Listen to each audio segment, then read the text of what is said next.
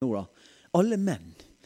Eh, jeg har fått være med på noe fantastisk nå på Og hold dere fast. Fredagsmorgen klokka sju. Er dere våkne da, menn? Sånn av og til, i hvert fall. Delvis. Øyvind er helt sikkert våken. Men, og det er ikke sikkert han har tida til det der i hans fase. Men fredag morgen klokka sju. Hver fredag så møtes en gjeng mannfolk på Kafé Espresso House på Moa. Midt i dette nye under Odeon, denne store kafeen. Klokka sju om morgenen. Og Dette er ikke noe tid som han Vidar Aasebø og flere som har starta det. Og vi er andre som har blitt invitert. Og jeg inviterer her med frimodig alle menn klokken sju.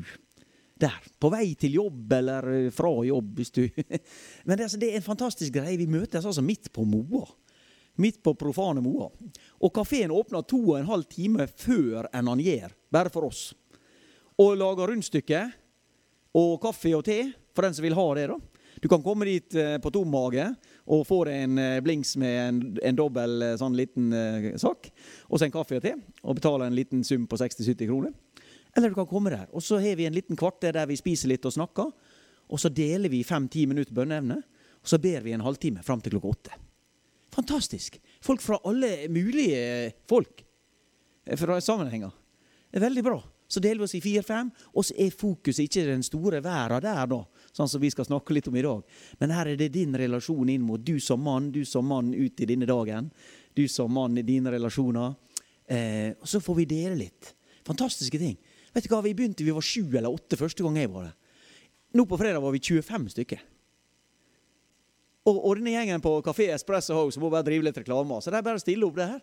Og syns dette er helt fint. Og han Vidar har jo fortalt hva dette her er for noe. Ja, ja, ja. Ja, men er det sånn dere syns det blir mye, da? Nei, det er plass til 254 her, sa de. Så det er ganske bra, er ikke det det? Så bare eh, velkommen dit, altså. Og, og, hvis dere vil at jeg skal sende dere menn en invitasjon via Facebook, for det er litt sånn, da Du må ikke ha Facebook for å komme, da. Så er det lettere, for da bestiller jeg der om jeg vil ha ting. og sånn. Men snakk med meg etterpå, så er det bare å invitere i vilden sky. Det er ikke noe sånn internt greier. Dette her er i alle retninger. Så det, det var bare en liten sånn sak. Bibelen den ligger der. Um, en liten historie fra en gutt i Nederland som kom og fant denne Bibelen. Og så sa han til mamma mamma, mamma, er dette Guds bok? Ja, ja, faen meg i boken. Ja, ja, dette er Guds bok. Og så er hun litt sånn stolt av mora for at det er sønnen. Han vet at dette er Guds bok. Men så sier, siden vi er inne på sier sønnen Ja, men mamma Hvorfor leverer ikke jo tilbake, for vi bruker jo ikke Oi! Da fikk hun en liten sånn down. Går det an å si det sånn? Og Derfor så jeg lærte det. I Egypt der var det en bokhandel. Som en bokhandler Husker dere, Er dere gamle nok mange til å huske Sunnmørsposten ute i byen? Da I gamle Røysegata, hva det heter da? Oppi der. Og Der var det sånn du kunne lese aviser i sånne monter ute, hvis du sto på gata. Helt derfra til derfra. Og da slapp du å ha abonnent, abonnement. De, gikk vel ut, de, skjønte vel at dette her er ikke særlig lønnsomt, så de måtte vel slutte. Ja, De har det kanskje enda, jeg vet ikke. Men i hvert fall forsider og sånn. Og så, Det var jo avisa. Bokhandleren i Egypt han hadde en stor bibel som han stilte opp mye større enn dette i, eh, i vinduene sine. Eller i ett vindu, da. Slik at alle som gikk forbi, de kunne lese. Og hva da så gikk han stabla seg inn i, inn i monteren, sånn som så, Jesus-stillingene sånn folk på. sånn. Det står altså, Der sto Bibelen. Og så bladde han om ett ark hver dag. Slik at alle sammen kunne gå, og så kunne de stoppe der og lese. Kanskje ikke alle hadde tilgang til Bibelen. Vi har jo kanskje en sju-åtte stykker som ikke vet hvor de er hen alle. Men sånn er det. Og tenk hvis, og Grunnen til at jeg sier dette, da, folkens, det er at dette her er jo ei hellig bok. Vi er jo enige om. Det er jo Guds bok. Det er Guds bok til oss. Ei hellig skrift. Og hvis den kan ligge slik hjemme, og ikke slik, så vil hun på en merkelig måte innby oss til å lese den. La henne ligge framme, ikke bare sånn som det er foran bibelgrupper. og sånt da, at nå rydder vi fram og så legger vi fram all den kristne litteraturen, slik at det skal se noenlunde bra ut. dette her. Men la henne ligge der, ikke for å imponere noen, men for å vise deg sjøl, eh, dine eventuelle ektefelle eller barn, at, eller de som kommer innom, at her er den boka som er den viktigste i dette huset. La henne ligge oppslått. Bra triks, hæ? Jeg har heller ikke funnet på dette sjøl, så bare slapp av. Vi stjeler det meste, vi som prøver å si noe om eh, om tru og liv. Ja. Men jeg er her for å fortelle om en Gud som virker. Nå skal vi se om vi får på maskineriet her. Tenker du at Gud virker? Det er ikke alltid så lett å tro det. sant? Oi, unnskyld. Ja, først, sorry. Nå skal vi bare få teknikken til å suse her. Det var min feil. Eh, han Håvard Sveås, når vi hadde fakkeltog i Ålesund nå i høst for, for forfulgte kristne og overalt, så fikk jeg han Håvard Sveås til å lage en sang. Er ikke han Håvard Sveås egentlig fra Flisnes her omkring, da? Eller er ikke han det? Ja. Han er kantor nå i, Åls i Sula. Og så skrev han en sang, for vi hadde Voksing på besøk. Og Så sa jeg kan du lage et bestillingsverk, sånn som er så fint på sånn jazzfestivaler. Det er bestillingsverk. Så nå lagde han denne sangen her, og han Øyvind Sunde han eh, satte fantastiske bilder til. For de har et sånt opplegg som heter Naturen syng. Vet ikke om dere har hørt, på det. Hvis ikke dere har hørt på det, så lager vi nå en, en bygdafest på Emlen. Ja, det er ikke en sånn bygdafest, men vi inviterer hele bygda gratis. Til torsdag 27. februar, og alle dere er velkommen. Til en sånn kveld der Håvard Sveås spiller og synger. Og så er det bilde av Øyvind Kåre Sunde. Det kommer PR på det. Torsdag 27. februar klokka sju inn på MLM bedehus. Velkommen, alle sammen. Det er bare en sånn der gratis sak. Vi tar det gratis. Vi får sponsing på det, så det går bra. Så det er bare en sånn. Men da blir han der. Men denne sangen lagde han, og så ga jeg noen stikkord om å stå sterk i stormen. Sånn som vi har seminar for våre forfulgte kristne der ute. Og så vi også kjører i Norge, for vi kan også få stormer her. Vi kjenner nå på en sekulær intoleranse som kommer mer og mer, som vi ser i avisene nå daglig. Vi kjenner det på kroppen at oi, oi, skal jeg tørre å heise flagget mitt? For se det trøkket. Sant? Denne sangen er, Han har tenkt at det, han fikk noen stikkord med meg i Olaug, og så han lager denne sangen om hvordan det kan være. da. Han ser for seg at noen flykter, må flykte pga. sin tru. da. Så ta imot den først her.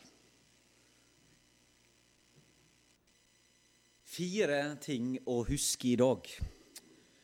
Ikke sikkert du husker mer enn én, da, men hvis du får med det her Vi har en Gud som ser. Tenk på det. Og som lar seg bli sett. Er ikke det litt rart? Fordi at det, Jeg fant noe rart i Bibelen. Gjør dere det av og til? Når du leser ting én gang, sju ganger, så plutselig Hæ, hva som står der? Og så står det noe i første Mosebok 22, 14, der Abraham sant, skal til å ofre Isak sin sønn. Og så står det så finner han denne væren som henger i krattet, som han heller skal ta, så han blir avverga i siste sekund. liksom. Jeg kan ikke skjønne hvordan dramatikken i dette nesten går an å leve i. da. Men eh, det er nå det. Men så kaller Abraham dette stedet 'Herren ser'. Og Det står i 1. Mosebok 22, 14. Så, og det er en jeg tenkte, ja, Herren ser, det er fine ting. Men også, like etterpå da, så står det 'Den dag i dag blir' Det sagt 'på fjellet der Herren lar seg se'. Og Vi har jo lært at du kan ikke se Herren på den måten. sant? Ingen kan se Gud. Den, eh, men på fjellet der Herren lar seg se. Og Så begynte jeg å skjønne litt mer, og så tenkte jeg aha, dette er jo Golgata, fjellet. Kanskje dere visste det? og sånn. Jeg visste ikke det før for lenge siden, men for en god stund siden. Men på fjellet der Herren lar seg se. Så det går på en måte an å få et møte med Herren. Han er en Gud som ser, og så lar han seg se, hvis dere forstår, på en litt annen måte, billedlig. Han, han vil la seg syne, komme til oss. Så har vi en Gud som er nær.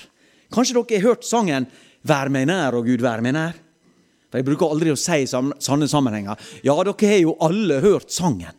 Nei, kanskje det sitter noen som er ny på veien, ikke skjønner kanonspråket og ikke har vært i noen sammenhenger. Jeg har ikke alle hørt den sangen, men kanskje mange. Vær meg nær, å Gud, når jeg gråter, Gud. Vær meg nær når jeg ber til deg, når jeg synger, Gud. Ja, eh, vær meg nær. Men så har vi en Gud som er nær. Et lite sånn perspektiv ekstra. Jo, det er fint å be Gud om å være nær, og av og til trenger vi å be om det og kjenne 'yes, nå'. Men han har jo sagt at han er nær. Så jeg tok og skrev om den sangen. da når jeg var på Ellingsøya her, fikk Olaug til å synge den. da. Og så skrev jeg han om 'Du er nær meg, Gud, du er nær'. Veldig enkel omskriving, da. Men som ga meg en OK, vi trenger av og til å snu grann. sant? Ikke opp ned, men nytt perspektiv. Og så har vi en Gud som virker. Og det er på en måte en skatt som vi har eh, glemt hvor vi har gjemt seg, bruker å si. Fordi at det, det kan tro, Jo, er, vi har hørt om at han virker en plass. Jo da, vi hører sånne ja, Det er ikke sikkert det er sant, det er kanskje litt overdrevet. Vi har hørt om sånne wow-historier. Men vi har en Gud som virker her og nå, som vil virke her og nå i våre liv. Og så har vi en Gud som kan vende det vonde til det gode. Tenk på det. Altså, det vonde kan vendes til det gode. Eksempel Josef og brødrene. Ja, veldig fristende å Hæ, kan du bare ha det så godt? Har dere tenkt det, dere voksne her? Han fikk som fortjent. Ja, jeg tror jeg tenkte når jeg ser noen gjøre noe skikkelig dumt, så han bare burde skjønne. Fikk som fortjent. Nå kan han bare ha det så godt. Nå kan han se når han var sånn. Det er fristende for oss menneskelig sett å tenke. Og jeg tror det var fristende for Josef med he-he-he. Nå, gutta. Kan dere angre? Men så kommer Gud inn i bildet. Og så Josef Rovli. Dere brødrene tenkte det til det vonde, men Gud, han gjorde det til det gode. Han snudde på Og Gud kan snu på omstendighetene.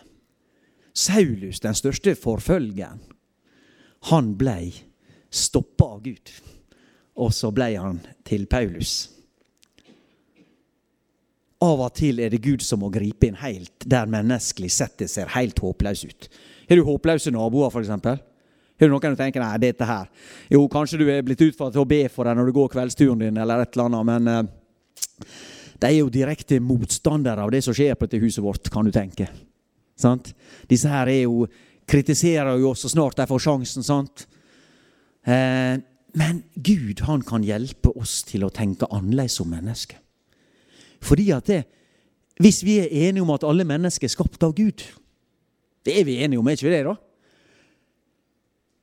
så har vi nedlagt alle mennesker det som jeg liker å kalle en gudsstreng i oss. Det går an å rive ut den strengen og fjerne det på en måte. Du prøver å ah, vil ikke ha noe med Gud å gjøre. Og jeg har en litt spesiell historie fra da jeg var lærer på Borgund folkehøgskole. Nå er det Ålesund, siden folk skal skjønne hvor det er, og at ikke de leter til Borgund stavkirke og sånt nede i Sogn når de skal komme til skolen. Men jeg hadde med meg en elev inn på eh. Vi gikk dit og gikk på Slogen. Og så, Der var en, en hardbarka ateist blant de elevene. Dette her er lenge siden. Det er sikkert i 2005 eller noe sånt. Ja. Og så eh, hadde vi en sånn stund da, utfordra de skulle sitte alene ute i naturen. og Så fikk de en sånn gudstanke å tenke på Gud. Så skulle vi inn igjen og snakke litt om dette. her, Så hadde jeg et lite ord for kvelden. Og så utfordra vi litt da, på hvordan du tenker om Gud. Så sa han karen der Ha, jeg har ikke noe Gud. Jeg er ateist. Jeg, jeg har renska vekk alt dette der. Jeg jeg har fjerna Gud fra livet mitt, sa han. Og det, da, da, fikk jeg et sånt lyst øyeblikk. da. Har dere fått det av og til? Plutselig kommer noe lurt. Så jeg tenker er gudfeldig og ikke tilfeldig. Tror vi må bruke ordet gudfeldig mer enn tilfeldig folkens, når vi er med Gud å gjøre.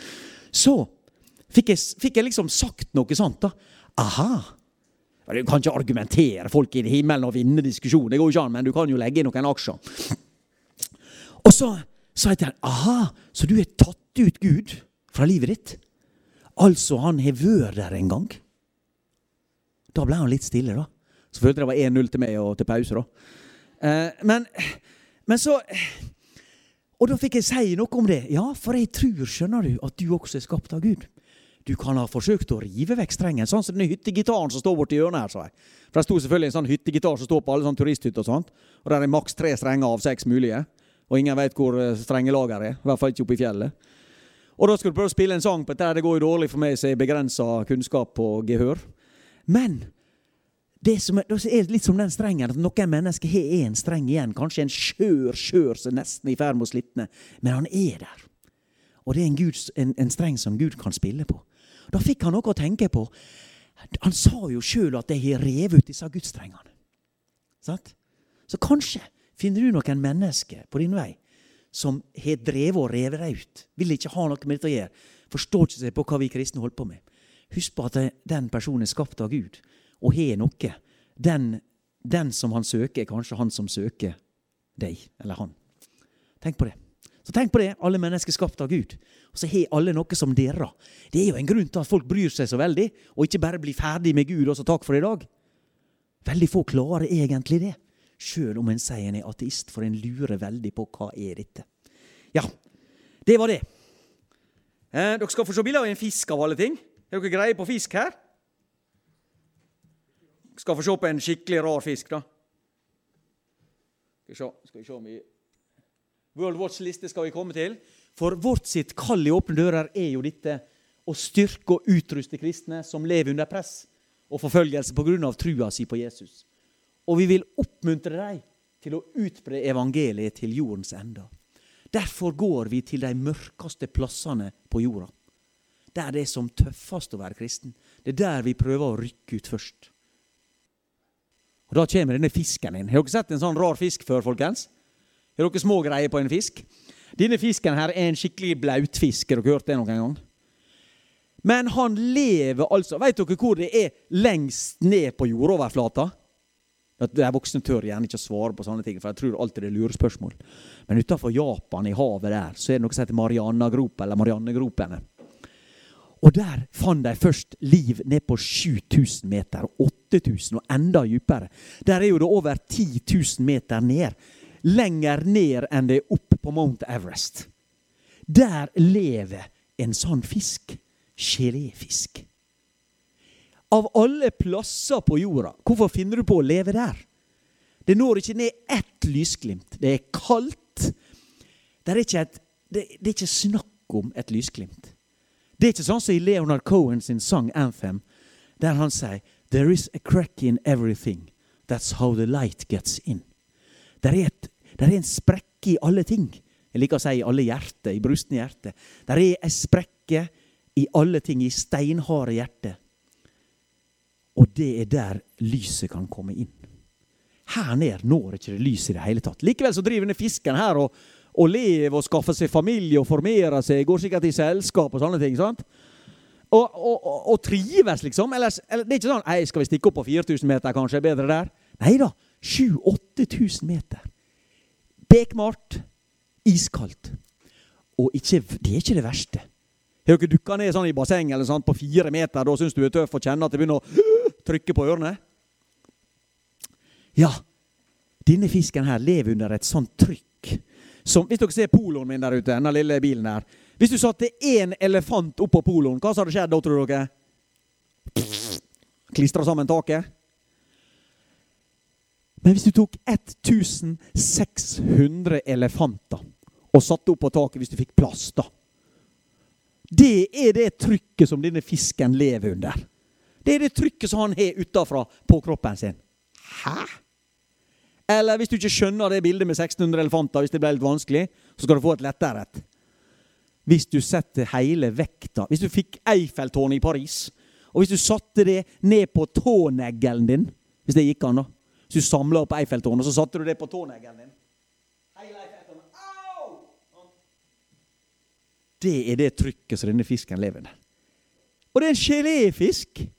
Det er en 30-50 cm lang. Det er ikke et monster av en fisk. Og det eneste grunnen til at han kan leve Og nå kommer vi til poenget, for nå lurer jeg på om jeg roter meg langt ute i Barentshavet her. Eller Marianegropa.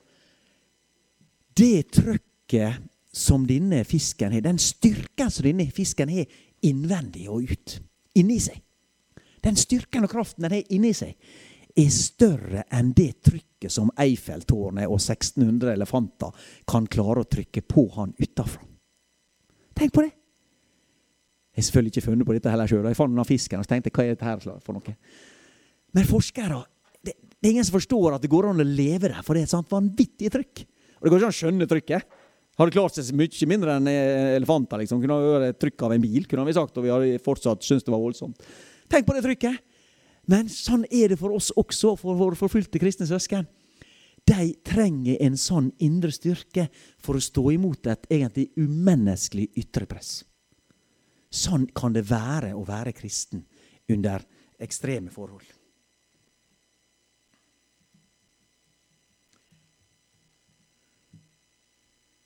Og da, og da, går det an å si hvor vi henter styrken ifra.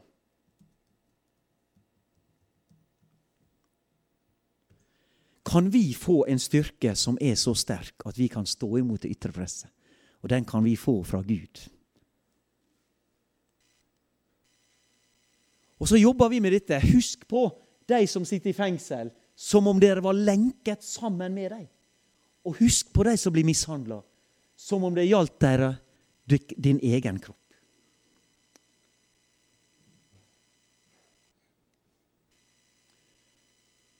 For det er vår store familie. Og så blir vi utfordra, f.eks. i korinterne. For om ett lem lider, så lider alle de andre med. Og om ett lem blir hedra, så gleder alle de andre seg. Dere er Kristi kropp, og hver av dere et lem på ham. Og Så er det noe veldig rart i Jakob. Det må dere lese. Se her hva det kan føre til for en kan ikke glorifisere forfølgelse og tenke ja, ja, der går Guds rike fram. Det er masse lidelse rundt det. Men se hva, se hva som står i Jakob 1 Se det bare som en glede, søsken, når dere møter alle slags prøvelser. For dere vet at når troen blir prøvet, skaper det utholdenhet. Det er noe med det. Og det står noe i romerne og i filipperne her om det og spesielt i Filipperne skal jeg bare sitere. Jeg vil at dere skal vite, søsken, at det som har hendt meg, har tjent til fremgang for evangeliet. Det er blitt kjent i hele borgen og for alle de andre at det er for Jesu Kristi skyld jeg lider. Jeg bærer lenker. På grunn av disse lenkene har de fleste av våre søsken fått større tillit til Herren, så de enda modigere enn før våger å forkynne ordet. Fantastisk. Det er ikke noe nytt. Det er ikke vi som har funnet på at nå er det noen som blir forfulgt. Dette er det vør. Det var ikke akkurat en reklameplakat Jesus kom med. Hvis du skulle si 'Hei, lyst til å bli med på dette her eh, med Jesus' og sånn, være kristen Jesus sier på en måte 'Følg meg, bli med meg, og få trøbbel'. Det er ikke akkurat noen sånn PR-kampanje. Det Det er ikke sånn 'wow'. Hvis vi stiller oss opp på Moa og har stand og sier du, vil bli med og følge Jesus, da strammer det seg til i Norge her, så det blir en del styr blir trøbbel, men vil du være med? Likevel så kan en se forbi det og se at dette er hele Guds store plan for oss. At vi skal være hans barn. Og så handler det alltid om mennesket, enkeltmennesket. Når vi er kristne her, i vår eh, forsamling her og på Emblem og samme kor, det handler om å møte enkeltmennesket. Så tenk på det, hvert menneske. Dere skal få se en video her. En litt sterk video. Det er om ei, jente, ei dame som opplevde bombeangrep i kirka. Sjølmordsbomba gikk inn, og så fikk hun sprengt vekk halve ansiktet sitt. Men se her, det er ikke noe sånn, Du ser ikke noe voldsomme ting, men bare si fra litt, ser jeg litt barn her. Du ser, bare, du ser, ser ikke noe stygge ting sånn sett. Men hun ble så skada at jeg trodde ikke hun skulle overleve. Og legg merke til hva, hva sier hun om tilgivelse inn i en hevnkultur. Der alt spør etter hevn, og at det må skje. Ja, Det er ganske, det er ganske uforståelig for oss. For der, her lever hun i en kultur som sier hevn, hevn. Vil ikke hevne? Hvordan skal familien? Hvordan tenker dere?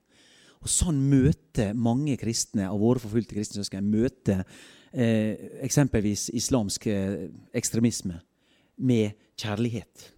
Det er utfordrende for oss å skjønne det, men det er ofte ikke noe alternativ. Og det er, jeg skal Til slutt i uh, dag så skal dere få se en utrolig sterk video fra det som skjedde i Egypt etter, etter et bombeangrep mot to kirker palmesøndag for nesten tre år siden. Men se glimt i øynene og det hun sier om tilgivelse, og at hun ber for de som gjorde det, det skaper noe helt uforståelig og urovekkende inn mot de som har gjort dette. Det er vi mange, mange vitner på. Og det er en uforståelig spiral. Det er ikke en hevnspiral. Det er en, på en måte en tilgivende sak. Der de som blir skada, klarer å si det for at det virker mer. For de vil jo, motstanderen vil jo at vi skal hevne oss, og de kristne skal hevne seg. Slik at en kan hevne igjen og fortsette. Når det gjelder World Watch List, så skal vi ta litt kjapt det på et hovedtrekk i det. Jeg har med meg blad og ting dere kan leses inn, eh, inngående på det. Kanskje var noen av dere også på, på um, um, Vinjard forrige onsdag.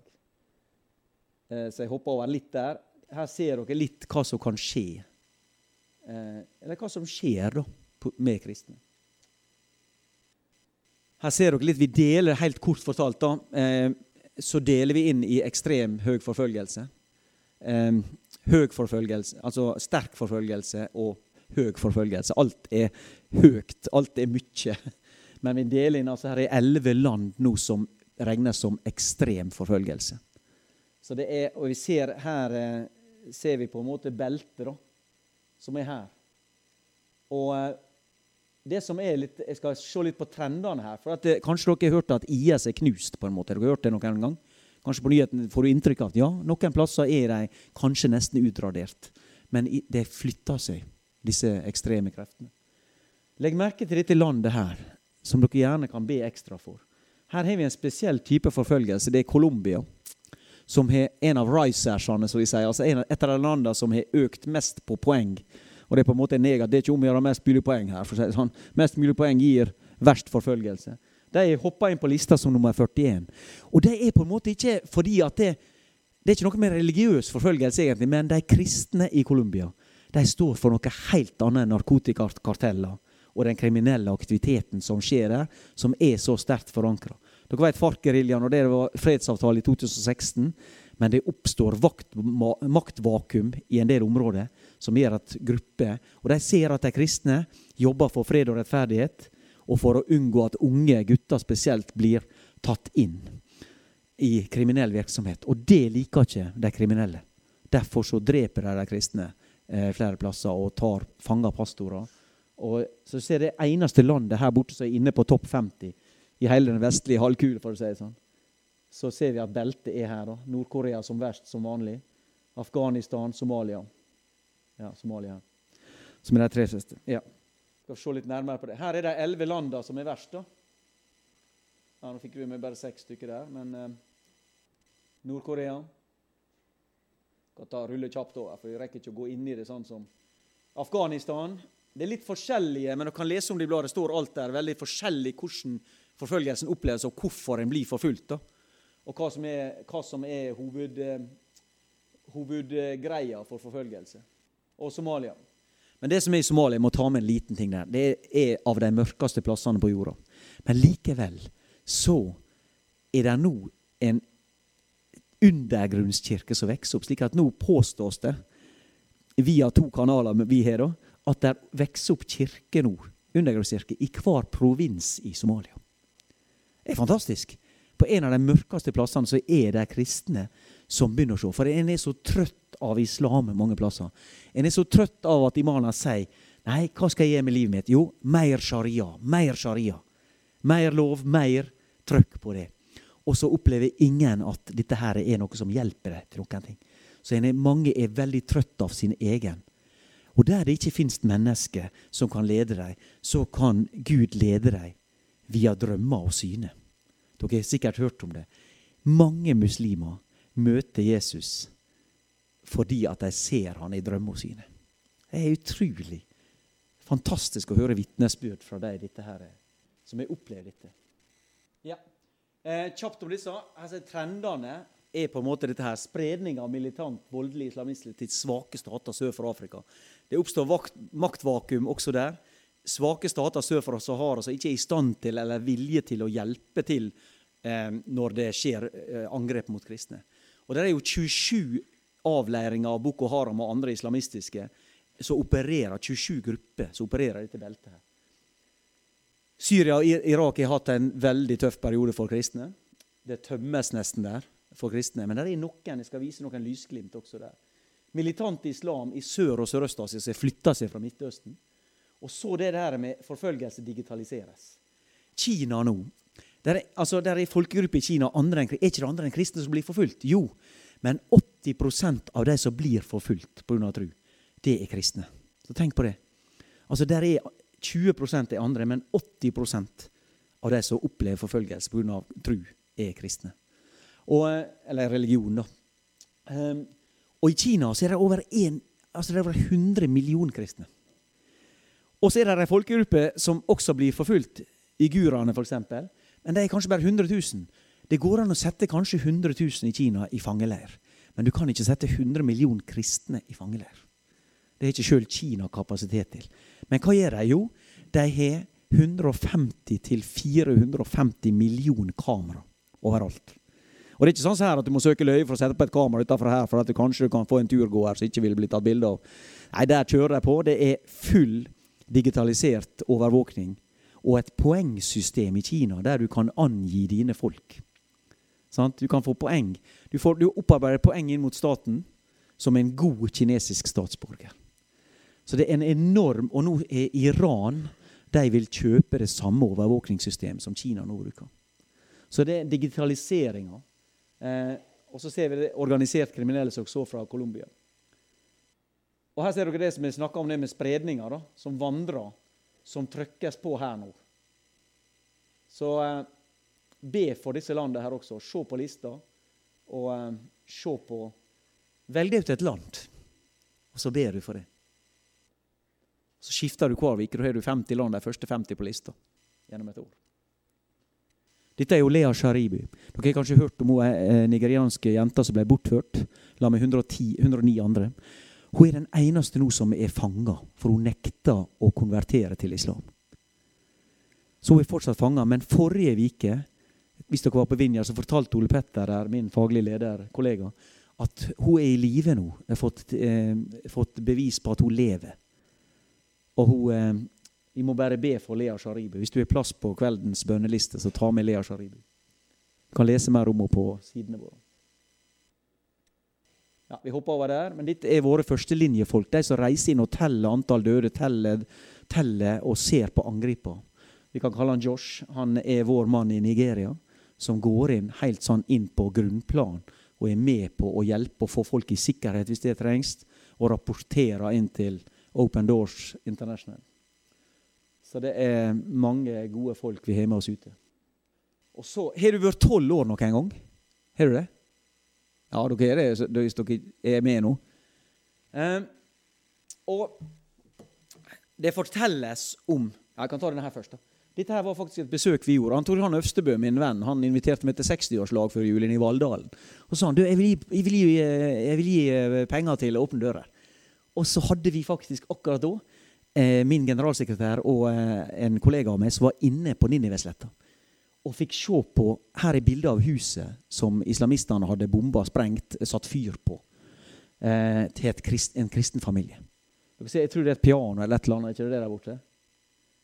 Og så fikk eh, vi være med på å Fikk vi sendt den videoen her som vi viste i selskapet. da. En litt sånn artig ting. Sånn er det da for disse som det er få som velger å bo der. Et lite artig pianostykke fra samme stua som mine kollegaer da besøkte 8.12. Så da hjalp penger fra Norge da til å eh, hjelpe de som fortsatt vil bo der. Det er til og med juletre. Det og dette er min eh, generalsekretær Morten Askeland som fikk være med inn der og se. Så det er jo sånne lysglimt. Eh, ja, Hvis du har vært tolv år noen gang, så har du kanskje Det var ei jente i India. I India så er det slik er du inder, så er du hindu. Det er bare sånn det er. Ei jente på tolv år som har en pappa som er pastor i tre forskjellige undergrunnsmenigheter. Hun er hjemme alene. Og så, Hvis du er tolv år og hjemme alene, så fikk du kanskje beskjed om ikke å åpne døra. Pass på hvis det kommer skumle folk og loddselgere og sånt. sånt. Og så, men hun var hjemme alene, og så banker det på døra. Så står det en stor, sterk politimann utafor. Og så hun jenta på tolv år. Jeg vet ikke om du ville ha gått og åpna opp da? Jeg. jeg vet ikke. Jeg tror jeg hadde stussa litt sjøl. Men hun går og åpner opp, og så sier den store, sterke politimannen som er utsendt fra myndighetene, som kan kontrollere og irettesette og vise denne pastoren, for vet at vi vet hva du driver med. Så sier jenta ja, så sier han, er pappaen din hjemme? Jeg må snakke med han. Nei, han er ikke det. Han er ute en tur. Men han kommer sikkert snart igjen, så du kan jo bare få komme inn og vente, sier hun. Det hadde vi i hvert fall ikke gjort, har vi det? Jeg tror ikke det. Nei da. Og så setter han seg. Vil du ha en kopp te, kanskje? Sier denne jenta på tolv år til den store, sterke politimannen. Ja, tenker jeg, må nå kanskje det. Så setter han seg ned og lurer kanskje litt på hva som skjer. Og så drar det ut i tid, da. Og så, og så sier hun Du, eh, sier jenta, jeg eh, det er blitt så sent nå. Det er nå vi bruker å spise kveldsmat. Vi har tenkt å lage litt, til litt kveldsmat. Vil du ha litt kveldsmat, kanskje? Eh, ja, tenker han. Han kan jo ikke gå tilbake til politistasjonen og si at oppdraget ikke er utført. Så han tar imot kveldsmat, han. Hun dekker på styret. 'Vær så god, sett deg ned.' Og byr på han der med mat og styr. Og så sier hun du, eh, vi bruker å be for maten og velsigne maten. Vi å takke Gud for maten. Bruker du å gjøre det? Han er jo hindu og har ikke noe med vår Gud å gjøre, i hvert fall. Og han sier nei, nei, nei, uh, bli litt kipla, da. Ja, men det er ikke noe problem, det, sier ei jente på tolv år. Jeg kan be for maten din også, jeg, sa Og så, så ber hun ei bønn som ligner på denne. Kjære Gud, takk for denne gode mannen som er kommet på besøk til oss. Nå må du velsigne han, velsigne maten, takk for maten på ditt bord. Amen. Gode mann. Nei, ikke så veldig, tenkte han sikkert sjøl. De sitter og spiser der, og han er sikkert helt sjokkert. Og Så etter en stund så kommer far hjem igjen. Han springer bort til døra til politimannen og sier Hei, hva er det med deg og ditt hus? Her kommer jeg inn for å irettesette deg. Og jeg blir møtt av ei lita jente som inviterer meg inn. Hun kaller meg en god mann. Hun gir meg mat og gjør bare gode ting mot meg. Jeg veit ikke hvem jeg er. Så sier far, min gode mann, bruker han det samme ordet som dattera. Vi tror på Jesus Kristus, Guds sønn, han som har skapt det gode i og rundt oss for å gi til deg mennesker som deg og andre. Wow. Før kvelden er omme, så må denne her mannen bøye kne. Politimann. Denne Jesus må jeg, må jeg få bli kjent med, sa han. Og så i den kvelden så blir han kristen. Han, han tar imot Jesus. Tror du han stikker hjem igjen til politis, eller bort igjen på politistasjonen og sier 'Hei, var ute på oppdrag, jeg. Men jeg tok og ble kristen, jeg, på vakt'? Nei, han kunne ikke si det. Nå er det han, politimannen, som passer på de tre undergrunnskirkene til, disse, til denne pastoren. Tenk på det. Han sier til politistasjonssjefen du har full kontroll på den gjengen der. Jeg har full kontroll på hvor jeg er hen. Jeg vet om alt jeg holder på med, så bare la meg ta med av dette her. Han hjelper dem til å drive sin virksomhet. Han går undercover, som det heter så fint. Han er dobbel agent. Tenk på det! Fantastisk. Og det er ei lita jente som starta det, på en måte. Og modige kristne som ikke kan annonsere i Sunnmørsposten i går at Helge Åkernes fra Åpne dører skal komme på Elim og møte på Elim, men som må bruke koder og ha plan A og B og C for hvor de skal møtes hvis de skal bli avslørt på vei til møtet. Sånn er det der. Denne politimannen hjelper dem til, slik at de kanskje kan nøye seg med plan A. Når det gjelder tilgivelse, folkens, så er det en sterk historie til slutt. Det er så mange, mange ting en kunne fortalt. Men husk på fokuset vårt, at vi er kalt som kristne. Alle kan be. Alle kan be. Og det er det som vi sier når vi får bladet vårt her. Vi er frimodige på bladet vårt fordi at det er et gratis blad. Det er ikke sånn som Telenor som ringer og sier du får gratis tre måneder, så kommer regningene. Så tar vi inn, vi inn på abonnement som løper til evig tid. Nei, her er det et abonnement som kan løpe til evig tid, ja. Men eh, det koster ikke noe penger. så Derfor er vi veldig frimodige med å få abonnenter hvis dere ikke har bladet vårt. Så får dere det en gang i måneden. Der er bønneliste. Og dere kan velge ut et land. Ta med dere blader, der er bøker, så dere kan få kjøpe om forfulgte kristne. Fantastiske ting. Men nå skal dere få se en siste video fra det som skjedde ei vike etterpå følgende angrep. Eh, I byene Tantra og Alexandra i Egypt så var det palmesøndag gudstjeneste i to forskjellige kirker. Blant annet. I begge kirkene gikk det inn selvmordsbombere og sprengte. 44 mennesker ble drept, over 100 skader. Deriblant ei bestemor som mista ene dattera si og, og barnebarnet sitt. I det angrepet. Dagen etterpå så er det dette er palmesøndag. Det er masse folk i kirken. Dagen etterpå så går denne ut. Også mens soldatene, de som sprengte dette her, de som uh, gjorde dette her, kjører forbi og ser er det noe hevn på gang. Så går de ut og skriver på murene utafor kirka. We forgive. Det står der skriver med kritt på kirka.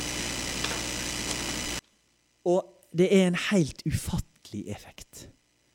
Altså, Jeg og du kan ha våre ting i livet det kan være vanskelig å tilgi. To store eller små ting. Og vi kan ikke tvinge noen til verken det ene eller andre.